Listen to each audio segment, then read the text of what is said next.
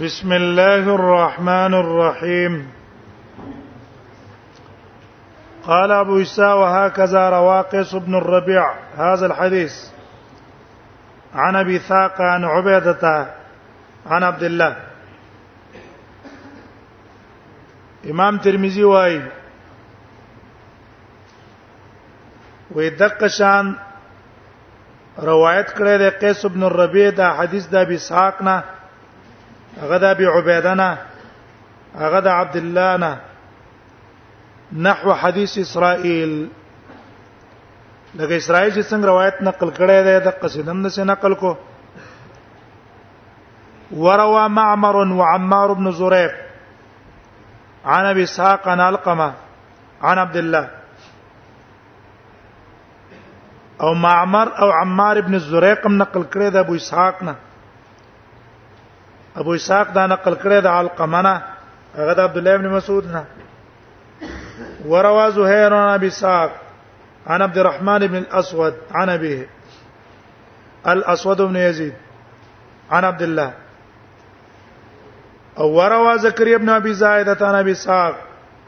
عن عبد الرحمن ابن يزيد عن عبد الله وهذا حديث في استراب ودا حدیث ته فی استراب په دې کې استراب ده غرض د امام ترمذی رحم الله قال ابو عیسی کې څه ده اشاره ده استراب ته فی الحديث او د استراب نه بعد بیا د دارمی قول ذکر کړی چې ما دارمی نه تاسو کو او د امام بخاری نه مت تاسو کړو نوع کی طریقه دا د دفع د استراب او په دغه د په استراب کې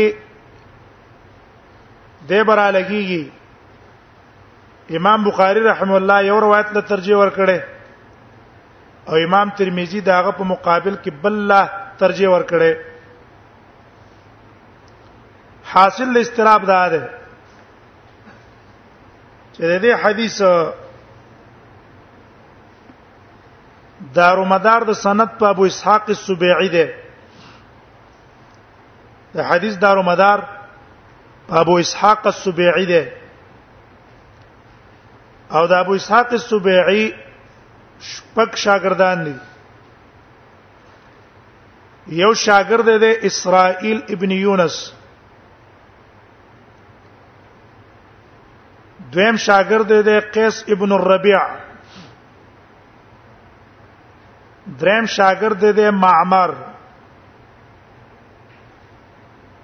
بل شاګرد دی عمار ابن الزریق او بل شاګرد دی زهیر او شپږم شاګرد دی زکریا ابن ابي زائده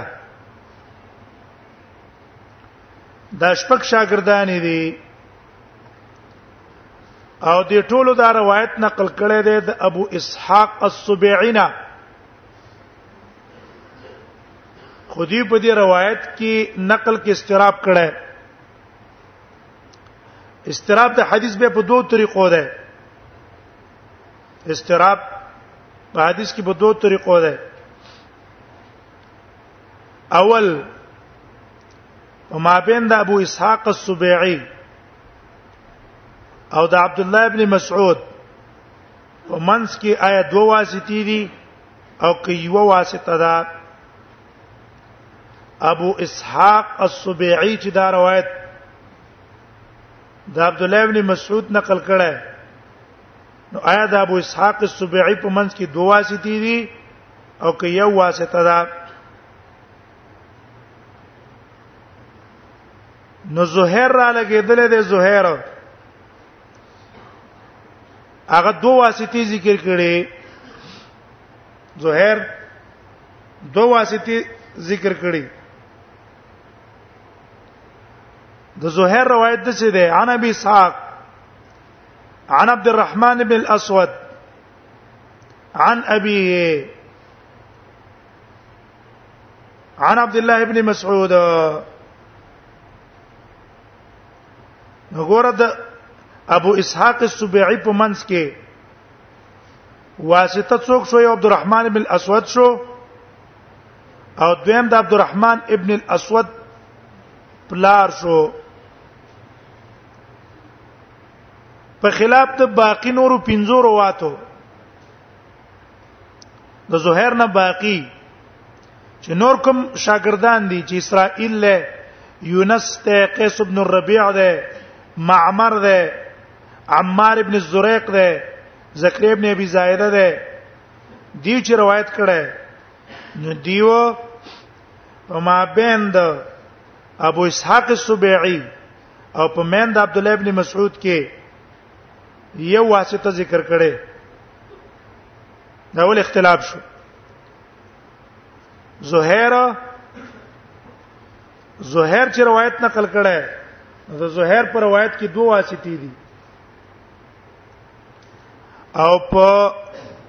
روایت دي باقی 15 شاګردانو د ابو اسحاق کې په مابین د ابو اسحاق او د عبد الله بن مسعود په منځ کې یو واسطه ده دویم استراب هغه د فی تعین الواسطه خچ یو واسطه ده نو دا یو واسطه څوک ده نو په دې تعین د واسطي کې مختلاف ده اسرائیل چې کوم روایت نقل کړي د اسرائیل چې په کتاب کې کوم مونږ ویلو نو اسرائیل پر روایت کې همدارنګه د قیس ابن الربيع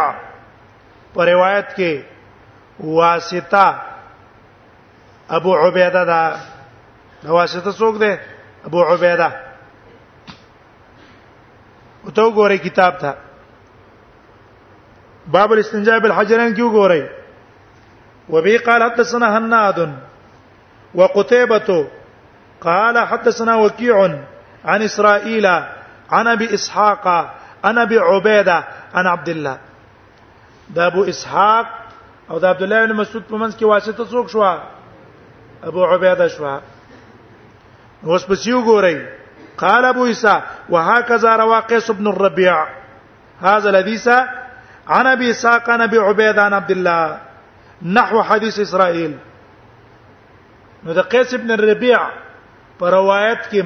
چې د ابو اسحاق نه روایت نقل کړی دی واسطه څوک شو یوا او کوم یوا ده ابو عبیده ده او د ابو اسحاق بل شاګرد یې معمر سلورم د عمار اغي واسطه یو ذکر کړي خدا ابو عبیده په ځای باندې علقمه ذکر کړي علقمه ابو عبیده په ځای څوک علقمه هغه واسطه ذکر کړي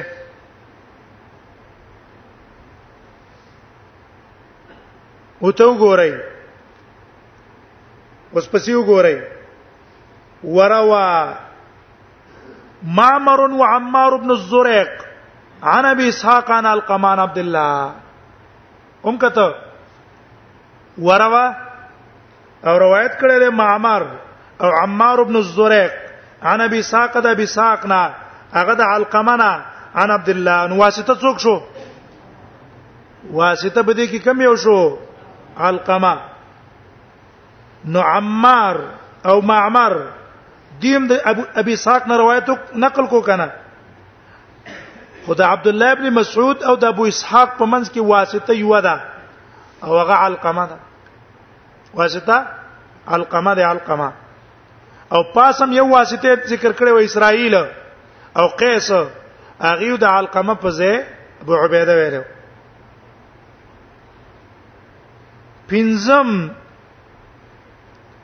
چې هغه زکریا دی زکریا ابن ابي زائده هغه چې روایت نقل کړي هغه واسطه د ابو اسحاق او د عبد الله ابن مسعود په منځ کې د علقمه او د ابو عبیده په ځای باندې عبدالرحمن ابن یزید ویل عبدالرحمن ابن یزید وګوره اخرته وروا زکری ابن ابي زائده وروا زکری ابن ابي زائده عن ابي اسحاق عن عبد الرحمن ابن يزيد عن عبد الله نو ګوره دا ابو اسحاق او دا عبد الله بن مسعود په منځ کې واسطي څو شوي یو او هغه کوم یو ده هغه واسطه عبدالرحمن ابن یزید ده اوس د دې پنځو په منځ کې اختلاف شو کنه شو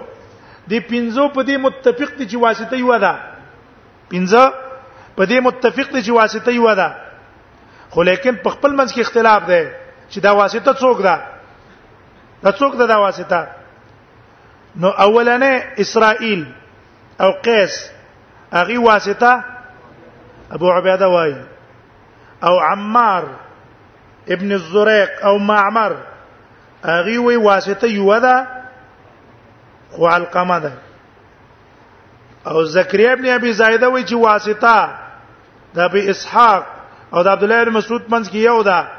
خو هغه واسطه عبدالرحمن ابن یزید ده نه ابو عبید ده نه ابو عبیده ده او نه علقمه ده بلکې عبدالرحمن ابن یزید ده او د دې پنځو واړو په خلاف زهیر را لګیدل دي زهیر هغه زهیر د عبد الله ابن مسعود او د ابو اسحاق په منځ کې دوه واسطي ذکر کړي وګوره وتا وروا زهیر لکه دینه پاشې بیته وروا زهير عن ابي اسحاق عن عبد الرحمن بن الاسود او زهير دا روایت نقل کړی د ابو اسحاق نه هغه د عبد الرحمن ابن الاسود نه عن ابي چې عبد الرحمن بن الاسود دا روایت نقل کړی د چا نه عبد الرحمن بن الاسود دا روایت نقل کړی دی د خپل پلار نه چې اسود ابن يزيد دی او اسود ابن يزيد دا روایت نقل کو د چا نه عن عبد الله د عبد الله ابن مسعود نا د عبد الله ابن مسعود نا نو پر روایت د زهیر کې دوه واسطې شوې یو عبد الرحمن ابن الاسود او بل د عبد الرحمن پلار چې اسود ابن یزید ده دا شاګرد د عبد الله ابن مسعود وهذا حديث فيه استراب او دا حدیث ته په دې کې استراب ده اوس پیښه په استراب استراب څه شو دو وجو باندې شو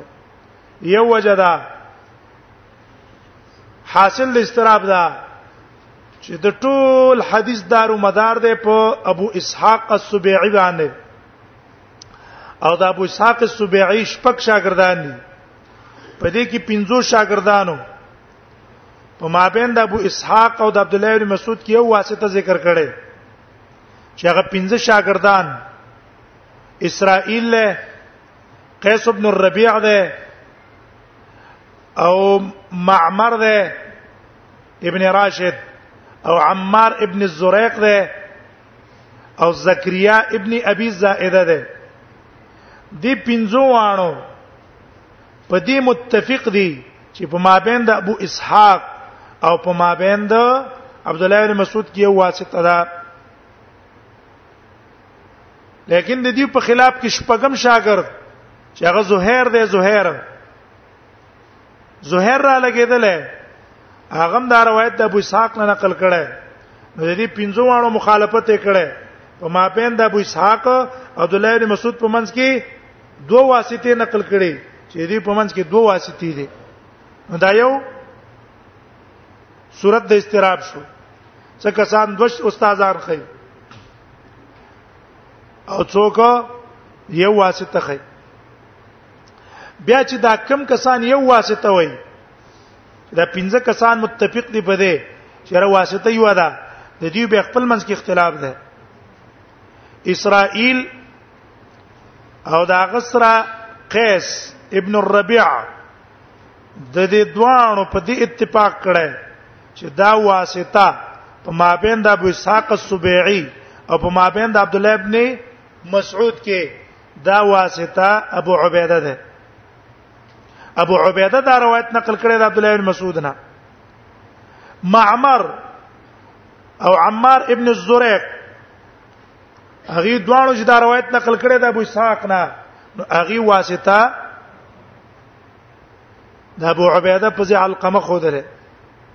چې ابو اسحاق دا روایت د علقمه نه نقل کړي او علقمه دا روایت نقل کړي د عبد الله ابن مسعود نه او زکریا ابن ابي زائده اگر لګیدل هغه وای چې نه دا واسطه نه علقمه ده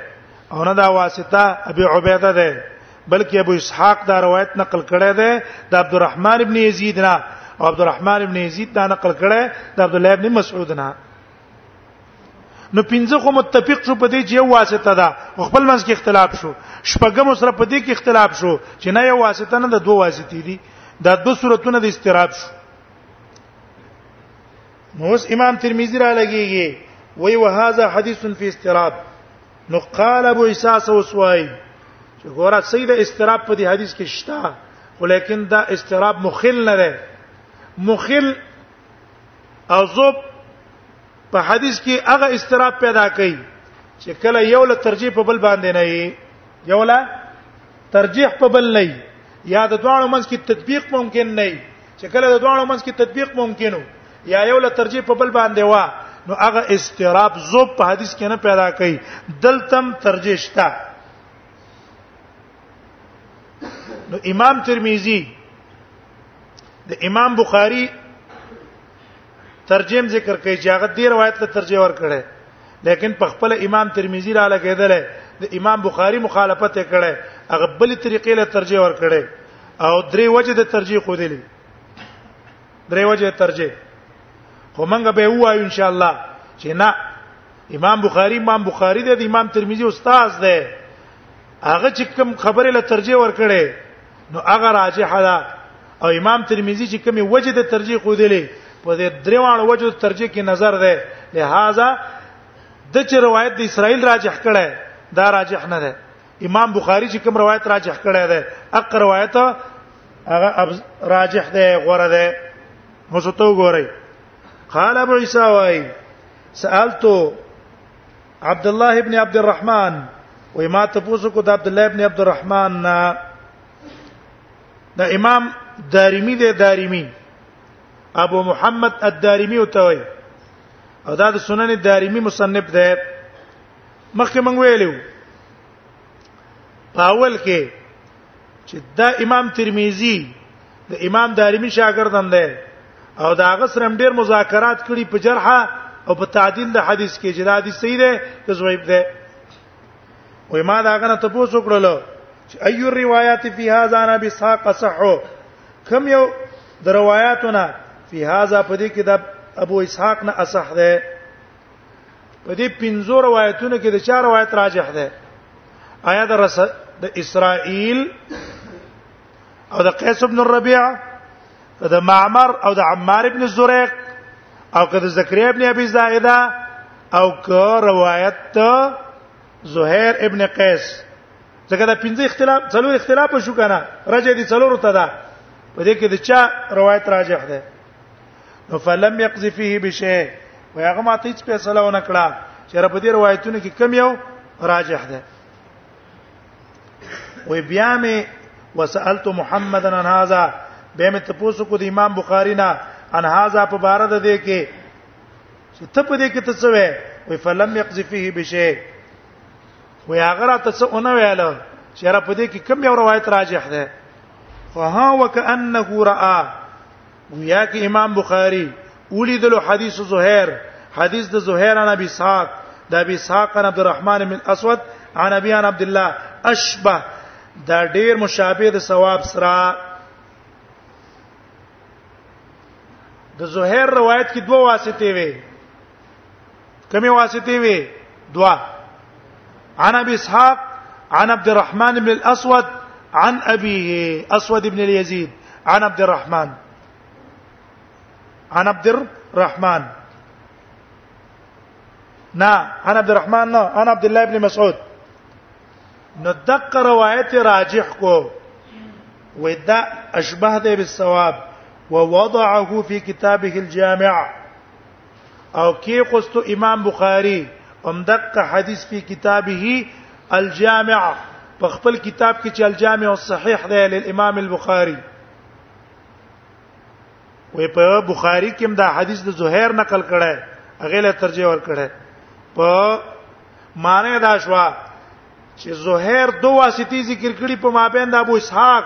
او په مابین د عبد الله ابن مسعود کې د قدو واسطو والا روایت راجح کو هغه روایت باندې شپه کې واسطه ده غیله ترجیح ورکړه وس داوی امام ترمذی واصح حسين في هذا عندي واصح حسين في هذا عندي امام بخاری دا حدیث راوړی باب لا یستنجا بروس کې چې په خوشانو به استنجا نه کوي ول عبد الله بن مسعود ته خوشی راوړی نبی سم د کانه غستری او روسه غرزولې وې دا خوشی ده او دا نجس ده وز دی وی ټیک ته امام بخاری زما استاد دی هغه ترجیح د چار روایت لور کړي روایت د زهیر لور کړي لیکن ما داغه نه خلاف کړي د زهیر په ځای باندې ما روایت د اسرائیل لاوړې اسرائیل چې د اسرائیل سره موافقت قیس ابن الربيع کړي چې د ابو اسحاق عبد الله ابن مسعود په منځ کې واسطه یو ده او هغه واسطه ابو عبیده ده نه علقمه ده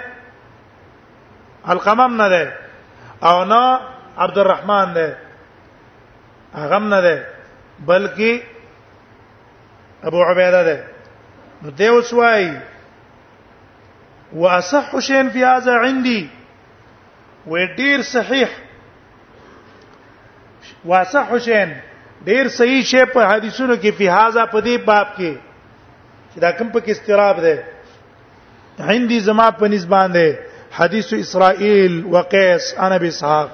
حدیث د اسرائیل له او د قیس ته د ابي اسحاق نه انا ابي عبيده چې ابو اسحاق دا نقل کړی د ابو عبيده نه او ابو عبيده نقل کړی د عبد الله ابن مسعود نه یو واسطه دا راجح د زما پنځ په نسبت د زهیر چې هغه دوه واسطې ذکر کړي او به په دې یو واسطه کې روایت ته اسرائیل او د قیس ابن الربيع چې دا واسطه ابو عبیده ده دا زما په نسبت باندې راجح ده په نسبت د معمر او د عمار ابن الزريق چې هغه واسطه القمه ذکر کړه او په نسبت د زکریا ابن ابي زاهده چې هغه واسطه عبدالرحمن ذکر کړه وې دا زما په نسبت باندې راجح دی ولی وجد رجحان و یو وجد رجحان ادا دا یو وجه وی لأن إسرائيل أثبت وأحفظ لحديث أبي إسحاق زكا وإسرائيل جده اثبت واحفظ دا ډیر اثبت او احفظ ده د پاره د حدیث د ابو اسحاق من هؤلاء په نسبت د نورو په ټولو شاګردانو کې په ټولو شاګردانو د ابو اسحاق کې کم یو تن احفظ ده او اثبت اسرائیل ده نو چې دا احفظ او اثبت شو او قاعده دا ده چې د یو استاد شاګردانی او یو شاګرد څو وخت ډیر تیر کړی او هغه اثبت دی دغه پر روایتونو کې هغه تعارض راشي د نور سره نو ترجیح مونږ چاله ورکو اثبت او احفظ لبه ورکو یو دا اثبت او احفظ ده یو وجه دا ده من هؤلاء دویم وجه دا ده وتابعه على ذلك قيس بن الربيع او متابعته سقيس بن الربيع هم کړی دی یو خو په خپل اسبت هم دی نو که چرته قیس ابن ربیع سره متابعت هم نه وکړي بیا هم ترجیح وي او چې بیا سره متابعت سره قیس ابن ربیع کو نورم مضبوط شو بل وجه وې دا ده ما ترجیح دی روایت د اسرائیل لزکه ور کړه چې وسمعت ابا موسی وې ما اوریدل د ابو موسی انا ها اولانه ته پته ولګی دا کنه اولانه سوق شو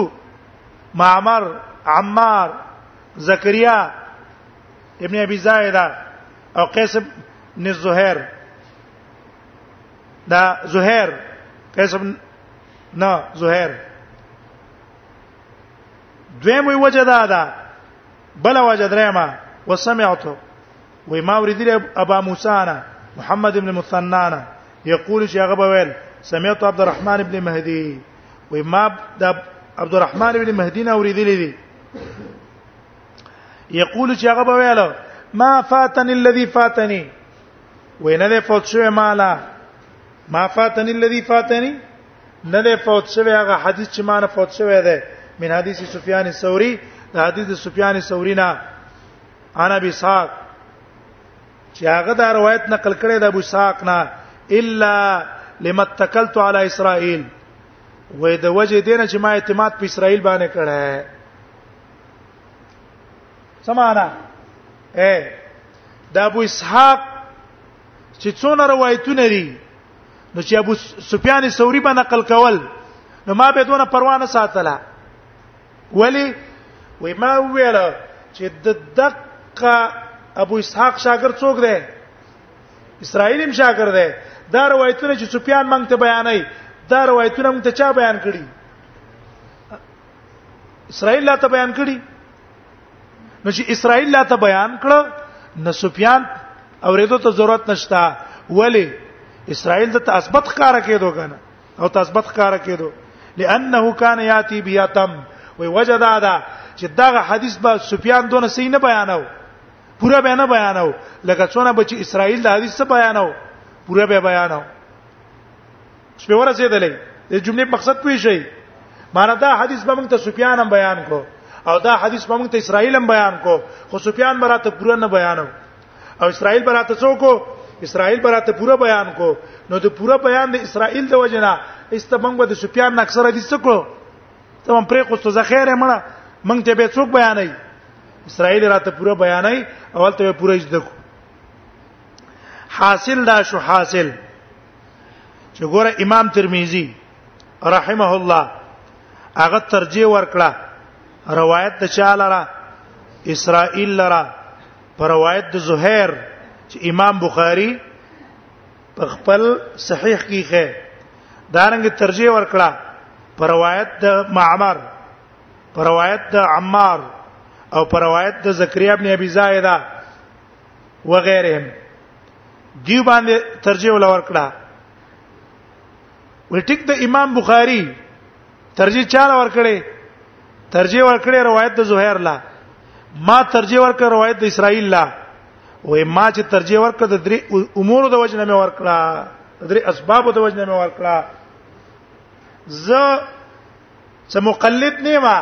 چې بس استاد می څوی په استاد پسې زاغه سره روانم ټیک د امام بخاری زما استاد دی او هغه ترجیح روایت د زهیر لور کړي خو زرا لګیدلم ما ترجیح چاله ور کړه روایت د اسرائیل لور کړه او د خپل استاد مخالفت می وکړو من ثلاثه امور درې وجونه اوله وجه اسرائیل اثبت او احفظ ده د حدیث ابي اسحاق من زهير ومعمر وغيرهما هغه دون اثبت نه دی لکه اسرائیل چې څونه اثبت ته ول اسرائیل وخت ډیر شوی دی دیو وجه نو چې ګوره تعارض راشي په مابین اثبت او د غیر اثبت کې نو ترجیح مونږ چاله ورکو روایت اثبت لبه ورکو او ثقه او د ثقه تعارض چې راشي ترجیح چاله ورکو او ثقه لبه ورکو نو دلته مونږ ترجیح ما ځکه ترجیح ورکړه چې دا اثبت ته یو وجه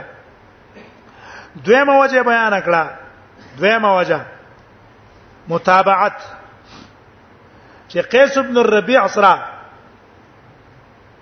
قیس ابن الربيع را لګیدل د اسرائیل سره متابعت کړي په ذکر د واسطه کې چې څنګه ما دغه اسرائیل چې دا واسطه ابو عبیده ذکر کړي او یوی ذکر کړي دقه سي قیس ابن ربيع دا واسطه یو ذکر کړي نو دیو جنا اوس متابع شته انا ابو عبیده عن عبد الله وې درېمه وجه دا دا درېمه وجه درېمه وجه چې سماع د اسرائیل د ابي اسحاق نه سماع د اسرائیل د ابي اسحاق نه دا په اخر کې نه دي د پاول کې کړي کله چې د ابو اسحاق باندې اختلاط نو راغله او سماعت زهير د ابو اسحاق نه دا په اخر کې ده دا څه ده دا په اخر کې ده نو درې مو وجوي کنه قال ابو عيسى اوس دا درې مو وجو ګورئ اولی وجه ترجیح شوي کنه شوي اولی وجه ترجیح څو شوي دوا یو اسرائیل اثبت ته اثبت ته پاره وجه خودلا چې عبدالرحمن ابن مهدی په ویل چې د سفیان روایتونه مانه فوت شو د څه وجه نه اسرائیل له وجه نه ځکه هغه اسبتو ما به زاغه ته پوره یاد دي ابه راته وای خیره کده سفیان نه مزده نکړه هغه نه بزده کړ درې ما وجه اوس دا وای قال ابو اساوي وزهير في ابي اسحاق ليس بذاك وي ټیک د امام بخاري ترجیح ورکړي روایت د زهير لرا او ما ترجیح ورکړي د روایت د اسرائیل لرا وې زه روایت د اسرائیل لزکه ترجیح ورکوم چې زهير چې کوم ده وی و زهیر فی ابي ساق ليس بذاکا وی اقص قوی نه ده پشان ته د اسرائیل ولی لان سماعه منه باخره زکه سماع د ابو اس د زهیر د ابو ساق نه په اخر ټیم کیو په چا کیو په اخر کیو او اسرائیل پاول کیو او کله چې انسان سپینګیروالي ته ورسیږي نو پاغه ټیم کې به په قوت حافظه کې تغییر راغلی چې راغلی تغییر چرته د ځواني احادیث بیانول او چرته د ځواني درسونه او چرته سړی بوډا شي بیا پاغه وخت کې څنګه کې فرقي نو دیوځ د سما د زهیر د پزوانه کې دا چې لا تغییر په قوت حافظه کې پوره نور راغله او زهیر په اخر کې ته سما سما ثابت تا بیا وی وسمعت اسحاق وسمعت احمد ابن الحسن وما ده احمد ابن الحسن اوریدلی یقول چې هغه بویل سمعت احمد ابن حنبل یقول وما ده احمد ابن حنبل لا اوریدلی چې هغه ویل دي اذا سمعت حدیثا زائده وزهير چې کله ته حدیث د زائده او د زهير نه واورېدل فلا تبالي وي به پروا مساته الله تسمع وان غیرهما چې ته د بل چا نه وانه اورې الا حدیث ابي اسحاق مگر د ابو اسحاق حدیث وې د د حدیث چې دی واورېدو په دې اعتماد مکوه حاصل څه شو حاصل خبره دا شو چې ګوره زهیر روایت لما ترجیح ځکه ورنکړه اگر که امام بخاری ترجیح ورکړي او ما ترجیح د روایت د زهیر لور د اسرائیل لور کړه وجه دا ده چې اسرائیل په اول کې اوریدل کړي دي او زهیر په اخر کې اوریدل کړي دي دیوژن امام احمد ابن حنبل وایي چې ابو زائده دا زائده او زهیر چې کلم تاته حدیث واورید چې دی روایت نقل کړي نو دا دواړه بالکل ثقه دي د د پر روایت باندې اعتماد کو پر وای مساتا ها کده ابو اسحاق نه روایت نقل کو چانه ابو اسحاق السبيعينا د ابو اسحاق السبيعينا چې روایت نقل کو نو بیا په کې تحقیق کوا څه به کې کوا بیا په کې تحقیق کوا وی وجه دا ده چې لئن سماعه منو بیا اخره زکه ته اخر کې اوریدل کړی دی اخر کې اوس به ورسې دی دا درې وجه ترجیح شوه لیکن امام ترمذی رحمه الله چې درې وجه د ترجیح ویلي چې ما روایت اسرائیل له ترجیح ور کړه پر روایت د زهیر اگر که امام بخاری ترجیح روایت د زهیر لور کړي دوی د دې درې وجونه دا درې وانه وجو کې نظر ده درې وانه وجو کې نظر ده بلکې امام بخاری چې کوم روایت ته ترجیح ور کړی چې کوم روایت د زهیر ده چې دوه واسطې دي په مابین د چا کې مابین د ابو اسحاق او په مابین د عبد الله بن مسعود کې اقر روایت راجح ده روایت د اسرائیل او روایت د زهیر او په دې پنځو واړو کسانو باندې چې چا یو واسطه ذکر کړي اوله وجه چې د ویلي چې ترجمه ورکړه روایت د اسرائیل لا وی وجه دا ده لأن اسرائیل اثبت واحفظ اسرائیل اثبت او احفظ ده د حدیث ابي اسحاق من هؤلاء په نسبت د زهير او په نسبت د معمر او په نسبت د عمار او په نسبت د زکریا ابن ابي زاهده نو دا خبره ټیک نه ده بلکې د دا قول معارض ده د امام ابو داود د قول سره اجری وای اجری وسالت ابا داود عن زهير و اسرائيل وې ما د امام ابو داود نه تاسو کړل په بار د زهير او په بار د اسرائيل کې فی ابي اسحاق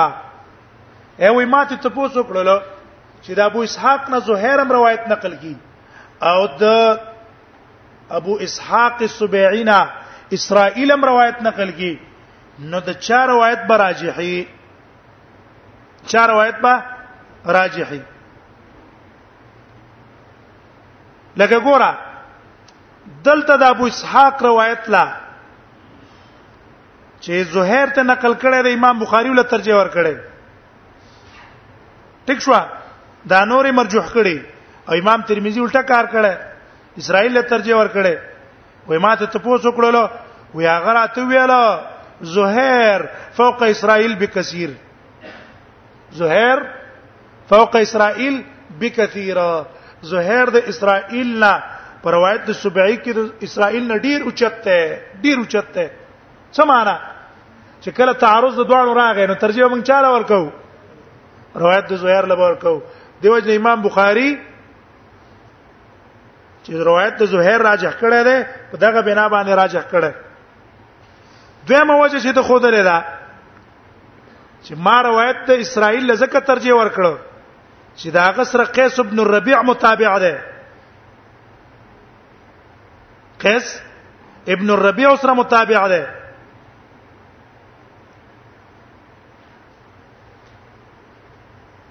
نو دا وجم د ترجیح صحیح نه ده په دې کې نظر دی ولی ټیک ده د قیس سره د د اسرائیل سره قیس ابن الربيع متابع ده نو د زهیر سره شریک متابع ده څوک ده شریک څنګه چې دا زهیر دا روایت د ابو اسحاق نه نقل کړي به واسطتين دغه صدا روایت شریک شریک اغم دا روایت نقل کړی د ابو اسحاق نه بواسطتين او شریک چې د اوثق من قیسن شریک اوثق من قیسن ما په خبره پینې شوي زه شریک اوثق دی د چانه د قیس ته نو چې ته قیس ولا مطابق ګرځې او ترجیح ورکه اسرائیل لپاره په متابعت ولی زهیر له ترجیح نه ورکه په متابعت د شریک حال لاره چې شریک او سخت د چانه د قیس نه نو چې قیس یو واسطه ذکر کړه دلته زهیر دوه واسطې ذکر کړي او د سره چا متابعت کړي شریک او شریک او سخت د قیس نه بل لا پریدا د دې زهیر سره ابراهیم ابن یوسف هغه متابعت کړي دی نبی ابراهيم ابن يوسف هغه متابعت کړی دی ان ابي هغه د ابو اسحاق السبيعي او د عبد الله بن مسعود په منځ کې دوه واسطې ذکر کړي دارنګه د دا زهير سره متابعت ابن حماد الحنفيم کړه ابن حماد الحنفیم کړه دارنګ ابو مریم هم کړه ابو مریم هغه هم دوه واسطې ذکر کړي نو په کاردار چې ترجمه چاله ورکو روایت ته زهیر لا زکه ته زهیر سم متابعین ډیر دي او د اسرائیل سره متابع یو دی او هغه یو د سي متابع دی چې متابعین د زهیر په مقابل کې ا کمزور دی هغه متابعین اوثق دي او دا صرف ثقه ده نو په دې قول کې نظر شو درېمه وجه چې ته ترجیح ویلې درېمه وجه چې ما ترجیح ورکړه روایت د اسرائیل لره پر روایت د زهیر او د امام بخاری مخالفت مې وکړو چې زما استاد دی وجه دا ده چې اسرائیل د ابو اسحاق نه سماع ثابت ده مخکې او د زهیر سماع ثابت ته په اخر کې او قاعده دا ده چې کله تعارض راشي په مابین د هغه چا کې چې هغه ته سماع کړي مخکې د بډاتوب نه او بل ترستو کړي دا هغه مخکینی له اعتباري نو دا خبر هم ستاسو نه ده بلکې دا معارض ده بما قاله الذهبي في الميزان امام زهبي په میزان الاعتدال کې خبره الټه نقل کړي هغه وی قال احمد بن حنبل حدیث زکریا و اسرائیل نبی اسحاق لین وی حدیث د زکریا او د اسرائیل د ابو اسحاق نه پدې کې ضعف ده لین ده ولی سمع منه باخره سمع منه باخره نګوره امام احمد نه امام زهبي قول څنګه نقل کو الټه نقل کو ته خو وې چې زهیر ته اخر کې نقل کړي او اسرائیل کې ته اول نقل کړي اسرائیل ته اول نقل کړي نه امام زهبي د امام احمد نقل نقل کړي چې امام احمد وایي چې ابو دا زکریا ابن ابي زاهده او اسرائیل د دې په حدیث کې د ابو اسحاق نه لین دی لین زهب ده ولی سمع منه بیا اخره په اخر کې تیوریدل کړه نو پته اولګېدله چې امام ترمذی چې روایت د اسرائیل له ترجیح ورکړي دا صحیح نه ده صحیح وجه ولا نه ده بلکې ظاهر دا ده چې ترجیح روایت د زهیر لدا ولی یو وجه دا ده من بیان کړه چې زهیر څه ده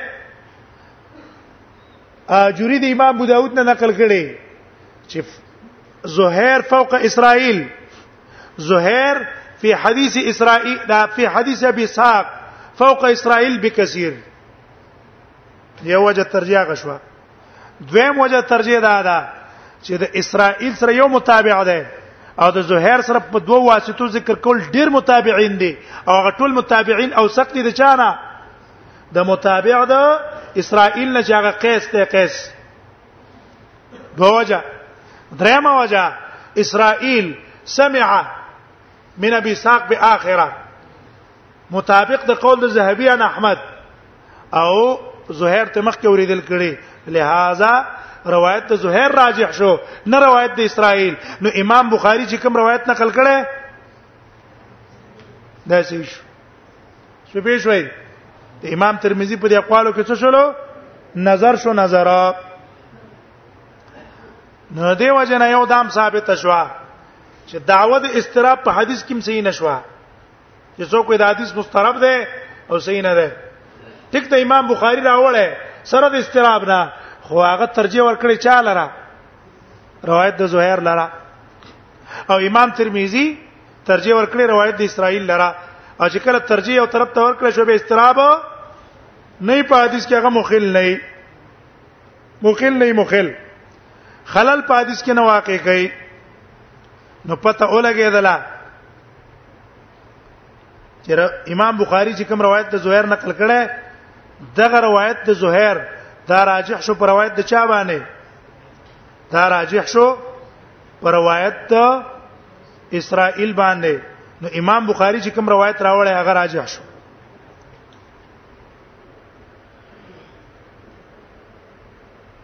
نو قال ابو عيسى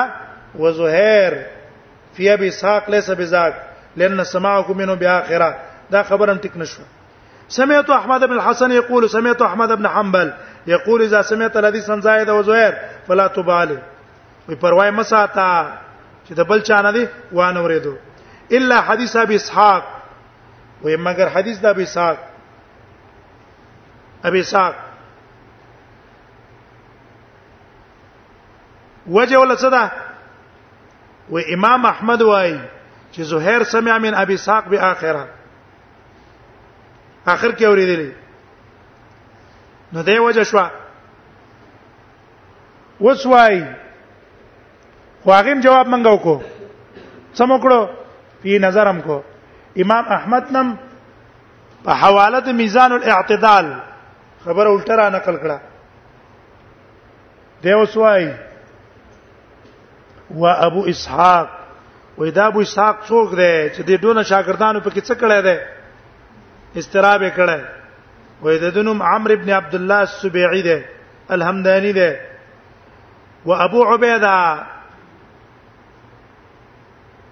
او د استاد ابو عبيده پر روایت د اسرائیل کې څوک دی وې دا د عبد الله ابن مسعود زوی دی لم يسمع من ابيه لم يسمع من ابيه ولا يعرف اسمه وي خپل نوم مشهور نه ده او د خپل پلار نه سماع هم ثابت نه ده نو سره شه چې ته ترجیح ورکې چاله ترجیح دی ورکه چاله را روایت اسرائیل نو روایت منقطع شو کنه شو څه شو روایت منقطع شو اوس په ورسې دې کنه امام ترمذی روایت ته چې موږ ترجیح ورکړه روایت منقطع شو د قول مطابق ولی او ته وګورئ او ته وګورئ حدیث ته د چا نه نقل کړه انا به اسحاق ابي ساق روایت چا نه نقل کړي ابي ساق روایت نقل کړي ده د ابو عبیده نه ابو عبیده نقل کړي ده چا نه عن عبد الله ابو عبیده څوک ده د عبد الله بن مسعود زوی ده او نوم معلوم نه ده او امام ترمذی په خپل وای چې ابو عبیده ابن عبد الله ابن مسعود لم اسمع من ابي خپل پلان نه سماع ثابت نشوه نو منقطع شو کنه دیو جنا ابا عبیده وای ابو ابو عبیده هغه وای چې هل تذكر من عبد الله شيئا وتا ته عبد الله بن مسعود څه یاد دي کنه ابو اسحاق وای ابو اسحاق وای ما د ابو عبیده نه ته پوسو کړلو چې تا ته د پلار نه څه یاد دي کنه هغه ما ته نه دی یاد نو ګور دغه روایت د ابو اسحاق خپل صریح دی په دې کې چې ګور د خپل پلار نه څنګه دی اوریدلی چې نه دی اوریدلی حافظ ابن ابن حجر تقریب کې وایي حافظ ابن حجر تقریب کې وایي ابو عبیده ابن عبد الله ابن مسعود مشهور بكنيته والاشهر انه لا اسم له غيرها واذا مشهور ده په کنیه په ابو عبیده او مشهور ده ده چې د دبل نوم نشتا هم ده په خپل نوم ده ابو عبیده نوم ده ويقال اسمه عامر چاویل چې نوم عامر ده کوپی ده ثقه ده والراجح انه لا يسمع لا يصح سماعه من ابيه وې سیدا دا چې دا د پلار نه سما ثابت نه ده دارنګه تهذیب التهذیب کې موای چې روان ابي وې د خپل پلار نه روایت نقل کړي هو لم يسمع منه او خپل ته سماع نه ده ثابت ذکر ابن حبان فی الثقات او ابن حبان هم دا په ثقاتو کې ذکر کړی چې ثقه راوی ده هو قال لم يسمع من ابي شيئا پلار نه دی اوریدلی دا ابن ابي حاتم په مراسیلو کې وایي قلت لابي هل سمع ابو عبيده من ابي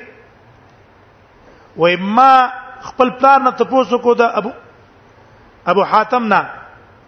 چې د د سماع د ابو عبیده سماع د خپل پلار نه ثابته ده قال يقال انه لم يسمع وې د څه ویل کیږي د سماع ته نه ده ثابته دا نه حافظ ابن حجر فتح الباری کی وای ابو عبیده لم يسمع من ابي على الصحيح نوراشوس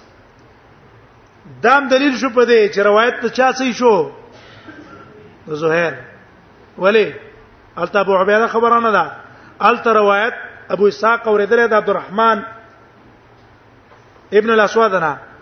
او عبدالرحمن اوریدل د خپل پلار نه چې اسود ابن یزید ده او اسود ابن یزید اوریدل د علقمه د عبد الله ابن مسعود نه نو روایت متصل شو کنه شو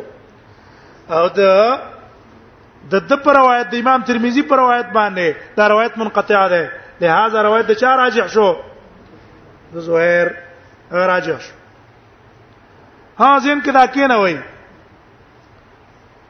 عینی سی برا لګیدل ده په شرح د بخاری کې حافظ ابن حجر باندې رد کړه حافظ ابن حجر چې ودا حافظ ابن حجر چې وایي چې ابو عبیده لم يسمع من ابي وردا عینی عمدۃ القاری دام د بخاری شرح ده اکثر د نقل د ابن حجر نه کړه لګ لګ زینو کې ترتیب جدا کړه اکثر وجه ما ذکر کوي دیو جنا شوکانی صاحب ته چا ویاله په بخاری او شرحو کا کنه ناغو ته الله هجرت بعد الفتح لا هجرت بعد الفتح فت فتح نرستو هجرت نشتا معنا فتح الباری چې هغه په بخاری شرح کړی چې نور شرح ته ضرورت نشتا دیو جن اکثر شارحین رستو چې څوک بخاری باندې شرح کوي همدغه د حافظ ابن حجر اقوال راخلی خلق مرتبه کوي مخکې رستو کې مرتبه کی او لک منځ کې پکې مساله ودړی نو په دې مسالې په وجه باندې څه شي بس مرتب شي یعنی بس کامل شرع ده هجرت بعد الفتح به حافظ ابن حجر ګور اکثر نووي نه نقل کوي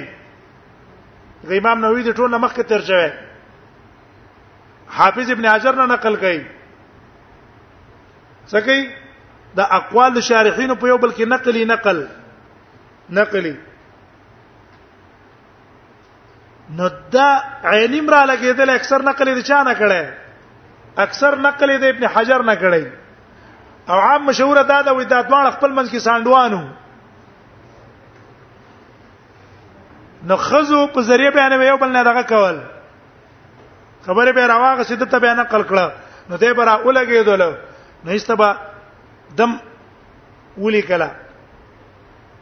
نو دا رد کړه وې په حافظ ابن حجر حافظ ابن حجر باندې رد کړه هغه وای واما قول هذا القائل ابو عبيده لم يسمع من ابيه فمردود وې دا خبره ټیک نه ده غلطه ده وې وجه دا ده چې معجم الاوسط د طبرانی کې روایت ته د زیاد ابن سعد عن ابي الزبير په معجم الاوسط د طبرانی کې روایت ته من حدیث زیاد ابن سعد عن ابي الزبير قال حدثني يونس ابن العتاب الكوفي قال سمعت ابا عبيد بن عبد الله يذكر انه سمع اباه يقول كنت مع النبي صلى الله عليه وسلم في سفر غور الطبراني روایت کې صراحتا ابو عبيده وايي چې سمعت ابي انه سمع اباه يقول وما د خپل پلار نه اوریدلې دي چې هغه دا ویل وای ګوره دینه معلوم شو چې سماع څه شو ثابت شو اوس پورې موږ ثابت کړه امام ترمذی ویل نه دا ورېدلی دا نور مو ائمه وای چې نه دی ورېدلی وای ګوره دلته ثابت شو دا رنګ یو مستدرک د حاکم روایت راوړل من حدیث ابي اسحاق انا ابي عبيد عن ابيه په ذکر د یوسف علی السلام کې او ګوروي حاکم داغه حد صحیح حدیث ته صحیح ویلې چې اسناده صحیح نو که چرته سماع ثابت نه وي نو به خدا حدیث منقطع منقطع حدیث ته امام حاکم څنګه صحیح ویلو دارنګ و امام ترمذی امام ترمذی اگر علاقه دلې ده ډېر روایتونه د ابو عبیده چې د عبد الله ابن مسعود نه نقل کړي نو ډېر روایتونه ته څه ویل دي حسن ویل دي حسن لکه مثلا امام ترمذی حدیث راوړی دی چې دوه رکعاتونه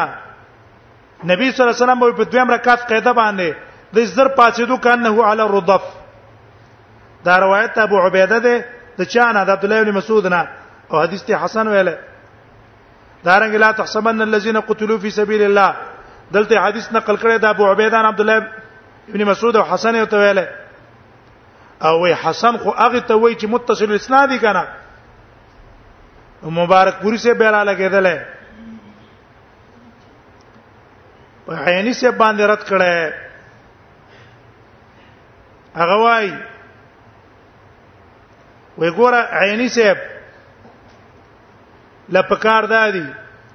چې د معجم الاوسط کوم روایت نه نقل کړي هغه د اول صحیح ثابت کی چیرې دا روایت څه ده دا صحیح ده ومن دون ذالک خرط القطا دا سره کولای نشي روایت سره صحیح نه ده دویمه د چې استدلال نسی پر روایت د حاکم او داغه په تصحیح چې ګور حاکم دی حدیث ته صحیح ویل نو بس اوریدلې وي وې دا عجیب جدا دا هم به ناشنا خبره ده زکه وي د امام حاکم تساهل خډیر مشهور دی او تر لګیږي داغه تسهیل اعتبار ورکه او په خپل د ابو عبیده نه په سی روایت باندې نقل لې چې ما د خپل پلار نه څه نه دي کړی لم اسمع من ابي شيئا ما د خپل پلان نه څوري دي نه دي هغه ته پرې دي او پاتې شو د امام ترمذی تفصیل چې تبا دغه ور کړه چې ډېر روایتونه امام ترمذی د ابو عبیده عن عبد الله ابن مسعود نه نقل له هغه ته حسن ویله وې دام د امام ترمذی د اصطلاح نه خبر کله امام ترمذی روایت منقطعی خو حسن ته په کوم اعتبار باندې وای په اعتبار د عمل په اعتبار د عمل باندې دا څه ده حسن ده اگر که روایت په اعتبار د سند منقطع ده په دې اصطلاح باندې پورا د خبر نه ده لہذا الحاصل دا روایت کړي اسرائیل منګ واخلو او د اسرائیل روایت ته ترجیح ورکو د ابو عبیده عبد الله به روایت منقطع ګرځي او چې د زهیر روایت موږ راجح کړو نو روایت څه شلو متصل شو لہذا امام بخاری چې کوم روایت ته ترجیح ورکړه هغه صحیح ده اڅ شلو صحیح شو استرابم ختم شو دی حدیث ته وګورئ لا پاتې دی بګی کنه حدثنا محمد بن بشار قال سلام محمد بن جعفر عن شعبه عن عمرو بن مره قال سالت ابا عبيده ابن عبد الله هل تذكر من عبد الله شيئا قال لا ما ما نه دی لیدل او ما ته یاد نه دی